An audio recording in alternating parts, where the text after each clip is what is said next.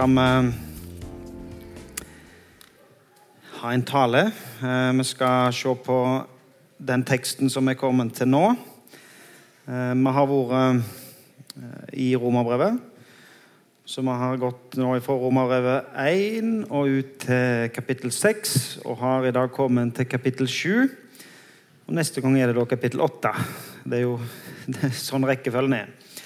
Eh, Så nå er det nest siste gang i denne serien som handler om Romerbrevet, for vi stopper i kapittel 8. Vi kunne jo for så vidt gått kapittel 16, men det skal vi ikke gjøre.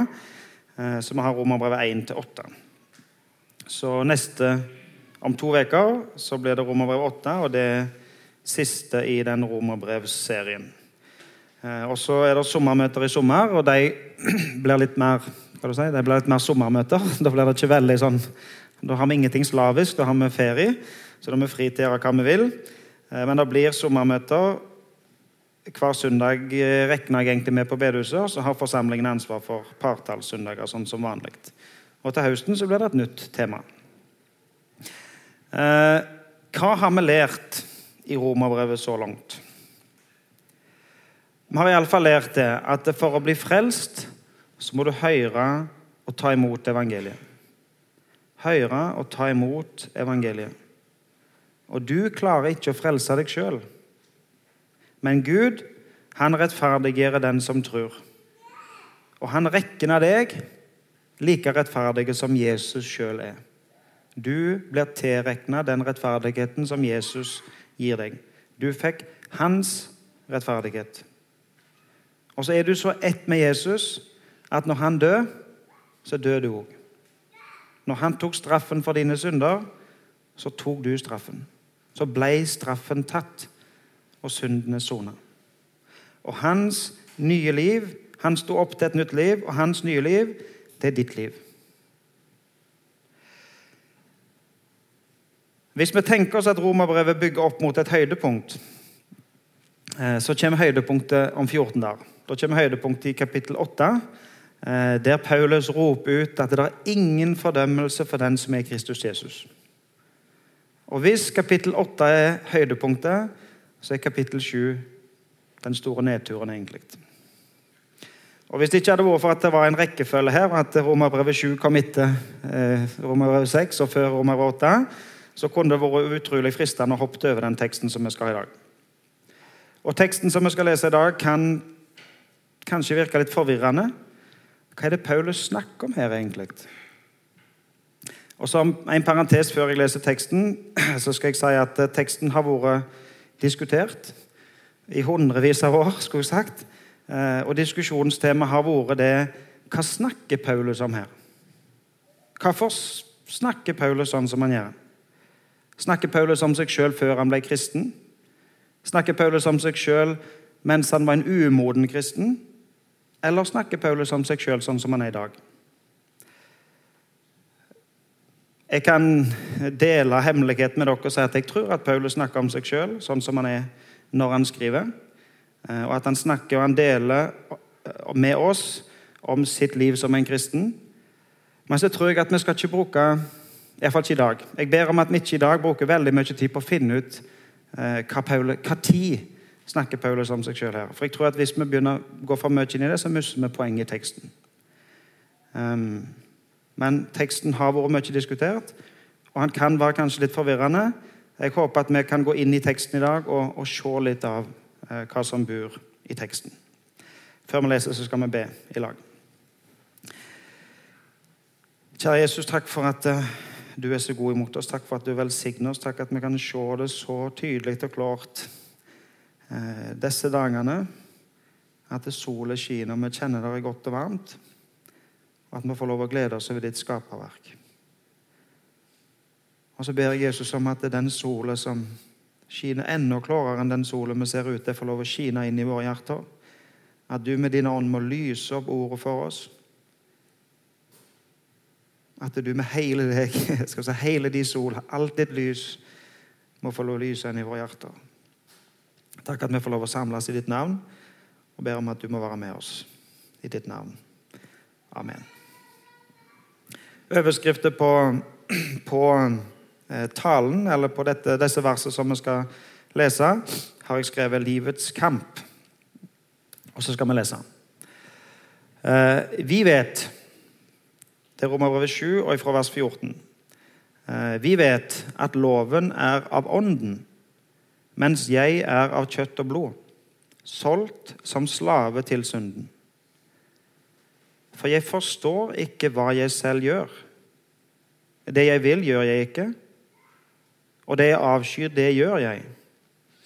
Men gjør jeg det jeg ikke vil, gir jeg, gir jeg jo loven rett i at den er god. Så er det ikke lenger jeg som gjør det, men synden som bor i meg.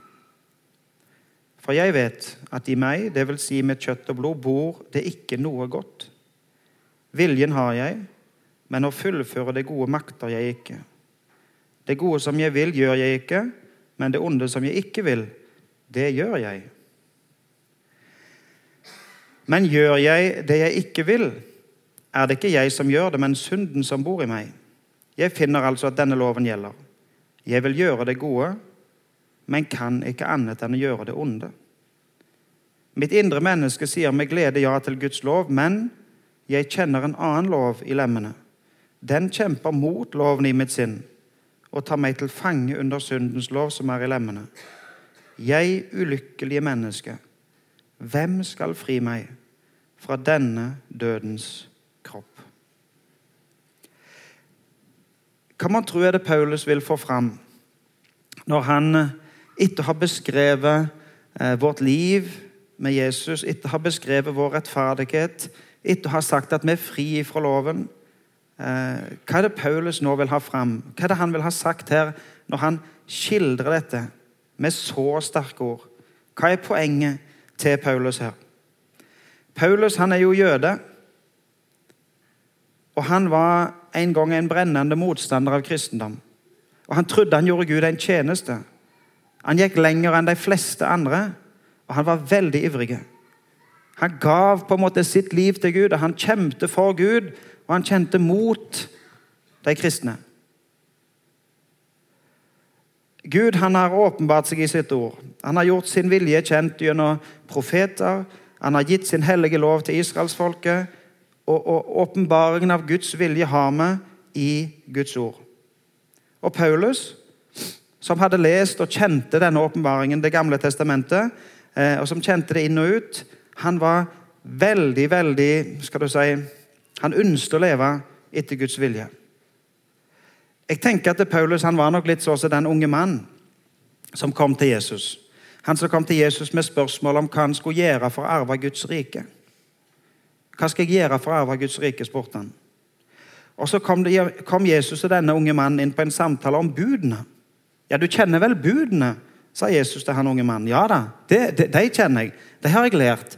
De har jeg lært helt ifra jeg var liten av. Og så sier han jeg har holdt budene ifra jeg var liten av.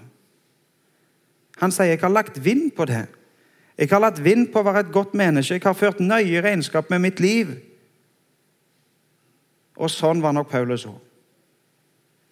For Hvis vi leser disse versene som jeg har eh, sett opp på veggen her nå, hva han sier om seg sjøl, Paulus, i Filipperbrevet 3, og vers 4-6, så sier Paulus om seg sjøl om andre, andre mener de kan sette sin lit til det ytre, kan jeg det enda mer. Jeg er omskåret på den åttende dag. Jeg er av Israels folk og Benjamins stamme, hebreer av hebreere, lovlydig fariseer, en brennende, ivrig forfølger av kirken, uklanderlig i min rettferdighet etter loven. Sånn beskriver Paulus seg sjøl. Men så har det skjedd noe med Paulus. Det har skjedd noe med Paulus som han for så vidt beskriver her i vers 7. Og Han sier, 'Men det som før var en vinning for meg' det regner jeg nå for Kristi skyld som skrap. Og i Romerbrevet, som vi har gått gjennom denne, denne våren, så sier han at loven er ikke lenger det største for meg. Tidligere, når Paulus levde som jøde og forfulgte de kristne, så, så var loven det høyeste og det, si, det største og det som han strevde etter. Og Så kom han inn i Romerbrevet og sa han, nå er ikke loven lenger det største for meg. Loven dømmer, og loven krever straff, men loven kan aldri bringe frelse. For det største og det som virkelig kan frelse, det er evangeliet om Guds nåde. Om Guds nåde som er større. Om Guds nåde som dekker og som når lenger. Og når loven anklager deg, så kommer Guds nåde. Og så taler nåden enda sterkere enn loven. For når synden blir stor, så blir nåden enda større. Og du som tror på Jesus, du har blitt så ett med Jesus at hans rettferdighet er din rettferdighet. Og Han har til og med selv tatt bolig i deg, og Guds hellige ånd lever i deg. Og Du er så ett med Jesus at når han dør, så dør du òg. Og når loven anklager og krever straff, så blir ditt svar at straffen er tatt. Og Så sier Paulus så er du død for loven. Du er død for loven, og loven kan ikke lenger kreve noe av deg. Og Dette gjør at nå lever du et helt nytt liv. Du har et helt nytt liv. Du er fri ifra alle krav og alle bud. Og du er fri til å leve i lag med Jesus som en tilgitt synder. Som en som Jesus elska så høyt at han gav sitt liv for deg. Og i dette nye livet får du kraft til å leve etter Guds vilje på en helt annen måte enn du ville fått ved å strekke deg etter loven. Så Paulus sier at den loven som jeg før satte høyest, den setter jeg ikke lenger høyest. Nå står nåden over. Nå får jeg kraft ifra en annen plass enn jeg fikk ifra loven. Men, sier jo da de som leser Romerbrevet, men Paulus, nå undergraver du jo Guds lov. Hva skal vi med Guds lov da? da? Hvorfor gav Gud loven til israelsfolket hvis du sier at nå er ikke det viktigst lenger? Da kan de jo bare sette en strek over det som Gud har talt til sitt folk. da. Og Så skriver Paulus Romerbrevet 7. Og så sier han hvordan forholder Paulus seg til loven? Jo, Paulus sier jo her i vers 14 at vi vet at loven er av ånden. Og Så sier han i vers 22, bare lite utdrag fra den teksten vi har lest. Mitt indre menneske sier, mitt indre menneske sier med glede ja til Guds lov. For loven er god. Loven er Guds hellige vilje. Og jeg sier med glede ja til Guds lov. Og de som blir kjent med Gud i Bibelen, og de som ser hvordan Gud handla i historiene, de som ser hvordan Gud åpenbarte seg for israelsfolket og gav israelsfolket sin lov, de ser at Guds lov er god. Guds lov er hans åpenbaring av sin hellige, gode, rene, kjærlige vilje. Og hvordan han vil og ønsker og ber om at vi skal leve. Og Når vi snakker om etiske spørsmål og, og søker å finne Guds vilje i ulike spørsmål, ja, da må vi jo studere loven, da. Guds lov, Guds ord, for å finne Guds vilje.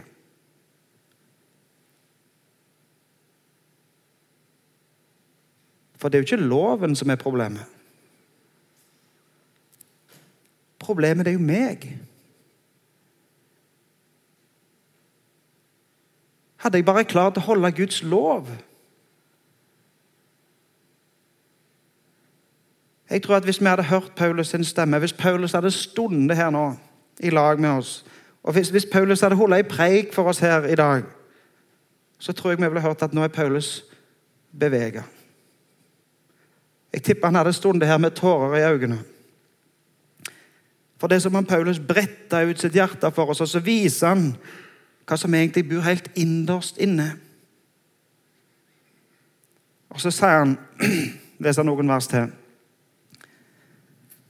vers 14 i den teksten vi leste. Vi vet at loven er av ånden, men jeg er av kjøtt og blod, solgt som slave til synden. Og Hør hva Paulus sier om seg sjøl. For jeg forstår ikke hva jeg selv gjør. Det jeg vil, gjør jeg ikke. Og det jeg avskyr, det gjør jeg. Jeg forstår ikke hva jeg selv gjør vers 18. For jeg vet at i meg, det vil, si, det vil si i mitt kjøtt og blod, bor det ikke noe godt. Viljen har jeg, men å fullføre det gode makter jeg ikke. Det gode som jeg vil, gjør jeg ikke, men det onde som jeg ikke vil, det gjør jeg. Vers 21. Jeg finner altså denne lov, at denne loven gjelder. Jeg vil gjøre det gode, men kan ikke annet enn å gjøre det onde. Jeg vil gjøre det gode, men kan ikke annet enn å gjøre det onde. Her er vi inne på et av livets store spørsmål. Hvorfor gjør mennesker vonde ting? Hvorfor er det så mye vondt i denne verden? Jeg tror jo at det er, det er veldig få som egentlig ønsker å bidra negativt. Det er få i denne verden som ønsker å gjøre denne verden til en verre plass. De aller fleste som lever på denne kloden, ønsker å være gode, ønsker å bidra positivt, ønsker å være med å bygge og ikke rive ned. Og store tenkere, filosofer, i hundrevis av år har brukt mye tid og mye tankevirksomhet på dette spørsmålet. En av de store, C.S. Lewis, kristen filosof, eh, kanskje mest kjent for å ha skrevet 'Drømmen om Narnia' eh, og de bøkene. Eh, men en av moderne tids store tenkere, han sier På sitt språk, altså på engelsk, sier han No man knows how, how bad he is till he has tried very hard to be good. Ingen vet hvor dårlig han egentlig er på innsida, før han virkelig har prøvd å være god. Ingen vet hvor dårlig han er, før han virkelig har prøvd å være god. Og så sier han Only those who try to resist temptation know how strong it is. Bare de som prøver å stå imot fristelsen, vet hvor sterk fristelsen er. Har noen av dere prøvd å dressere en hund? Det er ikke mitt fagfelt i det hele tatt. Jeg har, jeg har gjort noen mislykka forsøk i, i, Tanzania på å dressere hunder. Eh, så jeg, jeg, skal ikke påberope meg å være ekspert, men, men jeg har sett på noen som har prøvd å dressere hunder. Med mer eller mindre hell. Eh, og, og, hvis du tenker deg at eieren av en hund skal lære hunden den der bli-øvelsen. ikke sant? Altså, Hunden skal bli, og så går eieren et stykke. Og så skal hunden bli værende der helt til eieren sier at nå kan du komme. ikke sant? Har, har du sett på det noen gang? Og har du sett til og med på de som lykkes med å få det til? Eh, så blir, blir, hunden værende, eh, og så går eieren et stykke. Men så ser du på hele hunden at han egentlig dirrer og rister og blir frista og ønsker å springe til der som gjerne eieren står med et eller annet uh, godteri eller noe sånt, Honda, eller et eller annet. Han ligger der og rister i hele kroppen, og så logger han med halen, og så hører du gjerne at den mm, mm, klynker for å egentlig er veldig utålmodige for at eieren skal si 'kom'. Eller har du prøvd noen gang det som, eh, det som eh, i barneoppdragelsen gjerne kalles omvendt psykologi? Og Det skal, ikke, det skal ikke anbefales, der, det, så, så, jeg skal ikke stå her og tale for det. så jeg må bruke et veldig uskyldig eksempel. Men, men hvis noen av dine unger kommer inn, sant, og så sier du i dag har du ikke lov å gi en pappa en knip, så sier du egentlig ikke kom her, nei, du sier ikke kom her og gi meg en knip, for det får du ikke lov til. Så ønsker du egentlig at du skal få en knip. Omvendt psykologi. Tanken er, både med hund som får grenser, og ungen som får omvendt psykologi, så er tanken at hvis du setter noen grenser, så fristes ungen eller hun til å bryte grensene. ikke sant? Du vet egentlig ikke hvor sterk en fristelse er, sier C.S. Lewis, før du har prøvd å motstå fristelsen. Når du virkelig setter alt inn på å være et godt menneske, da ser du Da ser du det som bor i deg. Da ser du det ureine, det egoistiske, det vonde. Og når du innser at Guds lov faktisk er god, så blir loven som en speil som egentlig avslører ditt avvik i forhold til den loven. Ja, Loven fører deg egentlig til en slags indre dragning etter å bryte den loven, den grensa som er satt opp. Og det er egentlig ditt problem? Problemet er ikke loven. Problemet er du og det som bor i deg. Det som bor i deg, som du helst skulle sett var annerledes.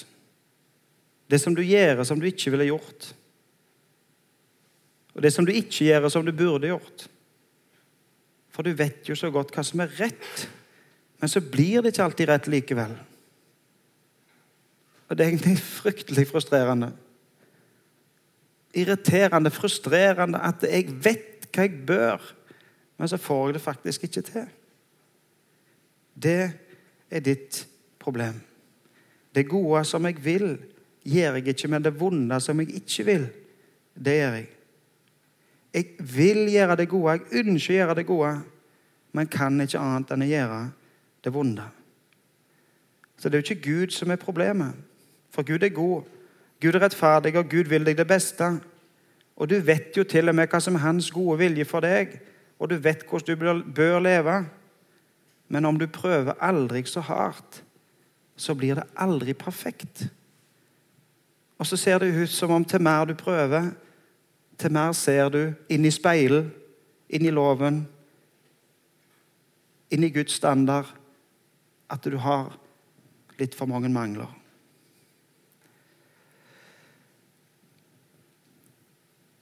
Hører du smerten i Paulus' stemme? Hører du smerten når Paulus sier 'jeg er av kjøtt og blod solgt som slave til synden'? Og Han sier 'det er ikke lenger jeg som gjør det, men synden som bor i meg'. Og Han sier 'jeg ønsker, jeg vil gjøre det gode, men jeg kan ikke annet enn å gjøre det vonde'. Hvordan forholder vi oss til dette? Hvordan forholder du deg til dette? Jeg tenkte jeg skulle gi fire punkter til hvordan vi, for, hvordan vi skal forholde oss til det som Paulus skriver om her. For det første For det første så tror jeg det er viktig at vi er ærlige. At vi ærlig og åpent og oppriktig skal du si, erkjenner at det sånn står det faktisk til med oss. Når til og med Paulus kjente på dette, når Paulus kan si at 'jeg ønsker å gjøre det gode, men jeg får det ikke til', så ville det i grunnen vært ganske overraskende hvis ikke du kjenner på det samme. Og Hvorfor skriver Paulus dette? Jeg tror Paulus skriver dette for å si at sånn har til og med jeg det. Det, er egentlig menneskelig. Det det er en del av det som er problemet med menneskets natur, som gjør det, at du har det sånn. Og Hvis du leser Bibelen, så er Bibelen full av eksempler på mennesker som ønsket å sette Guds standard øverst og leve etter Guds standard, men som ikke klarte det. Du kan jo bare lese om Moses, f.eks. Eller du kan lese om David, som det står at David var en mann etter Guds hjerte. Og så kan du lese om hans fall. Eller du kan lese om Peter, du kan lese om Paulus, du kan lese om andre i Bibelen. Og Bibelen beskriver dette på en ærlig, åpen, realistisk måte for å fortelle at så er det så er det å være menneske. Det er punkt én. Ærlighet. Punkt to. Synden vil alltid være en realitet. Så lenge du lever her på jord, så blir du aldri ferdig med den kampen. Det er en sånn predikanthistorie som, som, som går sagt, rundt. Så Jeg vet ikke om det er sant eller om det ikke er sant, eller om det bare er blitt til oss predikanter imellom. Men, men han er iallfall sånn at uh, de forteller om en, en nyomvendt som fikk spørsmål om hvordan er det å være frelst. Og Så svarte den nyomvendte at det er fint å være frelst, han, men, men det er som om det er to hunder som slåss inni meg. Det er som om det er to hunder som slåss inni meg. Og så mente den nyomvendte det at det er det gamle mennesket som drar meg i én retning, og så er det det nye mennesket som drar meg i en annen retning. Og så slåss disse to hundene.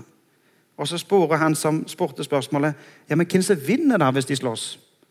Så svarte han jo han vinner den hund som jeg gir mest mat.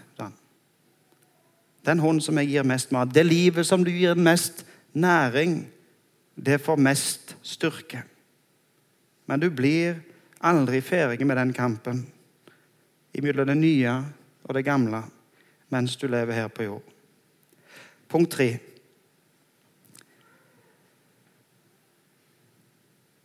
I den kampen, i den kampen imot synden, så kan, så kan ikke loven gi deg kraft. Loven kan ikke gi deg kraft i kampen mot synden. Hvis du vil ha kraft i kampen med synden, så må du gi næring til det nye livet. Det nye livet kan gi deg kraft i kampen mot synden. Det livet som Jesus har gitt deg. Den hellige ånd som bor i deg. Eh, det hendte at jeg snakket med mennesker i Tanzania om, om oppdragelse. Fordi at I Tanzania så er det veldig vanlig å, å bruke pisken, stokken, til å, til å, hjelpe til med oppdragelsen. Hvis ikke de er flinke, så får de seg en, et slag. Eh, og så prøvde jeg å si at det, det, kan tenkes at det er bedre å oppdra med, med, kjærlighet enn å oppdra med pisk. For hvis du oppdrar med pisk, så vil, den, vil motivet, eh, motivet for å gjøre gode gjerninger er frykten for pisken eller motivet for ikke å gjøre noe galt, er frykten for pisken. Og når pisken forsvinner, så er de fri til å gjøre hva de vil. Men hvis du oppdrar med kjærlighet og viser at jeg ønsker det beste for deg og ønsker at du lever så, så vil motivet for å leve godt, eller motivet for ikke å gjøre noe godt, vil bli kjærlighet til den som eh, ber deg om det. Til en far eller til en mor. Loven kan ikke gi deg kraft i kampen mot synden, bare det, gode, det, bare det nye livet kan gi deg kraft. Og så punkt fire. Loven kan ikke lenger kreve noe av deg. Loven kan ikke lenger kreve noe av deg. Når loven kommer og sier at du skulle ha vært sånn, eller du er ikke god nok, du burde gjort sånn Når loven kommer med sine krav, så må du vise fram Jesus og det som Jesus har gjort for deg og vise fram det nye livet og si du kan faktisk ikke lenger kreve noe av meg. Du er død for loven, sånn som Paulus sier. Og Når Paulus erfarer dette, når Paulus beskriver sitt liv i Romerbrevet 7, og beskriver at han ikke får til å leve sånn som han egentlig ønsker å leve, så kommer Paulus til slutten av, av kapittel 7, og så roper han ut 'Jeg ulykkelige menneske'. Hvem skal fri meg fra denne dødens kropp? Altså Med disse erfaringene i sitt liv så roper han ut 'Hvem skal fri meg?' Hvem kan hjelpe meg? Hvordan kan jeg få hjelp her? Og så svarer Paulus sjøl. Gud være takk ved Jesus Kristus, vår Herre. Den eneste som kan fri deg, den eneste som kan gi deg hjelp, er Jesus Kristus, vår Herre. Og så er det utrolig fristende å bare hoppe rett inn i kapittel 8, men det skal vi vente til, eh, til om to uker. Men så er det som om Gud sier til deg, sånn som vi hørte om tidligere i møtet, at han er ekstra god imot deg. Hvor usigelig god Herren er mot meg, dog især. Han som har gitt livet sitt for deg. Til og med når du kjenner på alt dette som, som Paulus beskriver i Romer over 7. Når du kjenner at du ikke klarer å leve opp til verken Guds standard eller din egen standard, så kommer Gud og sier, 'Gud være takk ved Jesus Kristus, min, vår Herre'. Han kan fri, han kan hjelpe. Vi sto her og sang 'Nå kan jeg hvile, fullkommen glad'. Veien er banet inn til Guds stad. Hjertet er renset, skylden betalt selger jeg intet. Jesus mitt alt. Nå kan jeg hvile. Og så kan du hvile der. For at Jesus har gjort deg fri. Skal vi be. Kjære Jesus. Takk igjen for dine ord til oss. Og takk at når vi er i møte med, med, med realiteter i vårt liv kan få lov å lufte blikket og se på deg. Du som er vårt alt. Du som er så god imot oss. Du som ønsker det beste for oss. Jesus, hjelp oss, du, å, rope i lag med Paulus Gud være takk.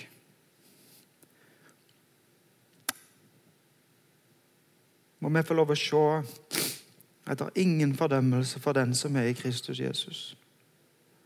Den som har tatt sin tilflukt til deg. Og så ber jeg Jesus om at vi hjelper hverandre. Hjelper hverandre til å se dette. Hjelper hverandre til å leve liv der vi er fri. Fri til å tjene deg. Fri til å lovsynge deg og til å prise og ære, takke deg fordi du er frelseren vår. Og ber at du må velsigne denne flotte søndagen for oss og uka som kommer. I ditt navn. Amen. thank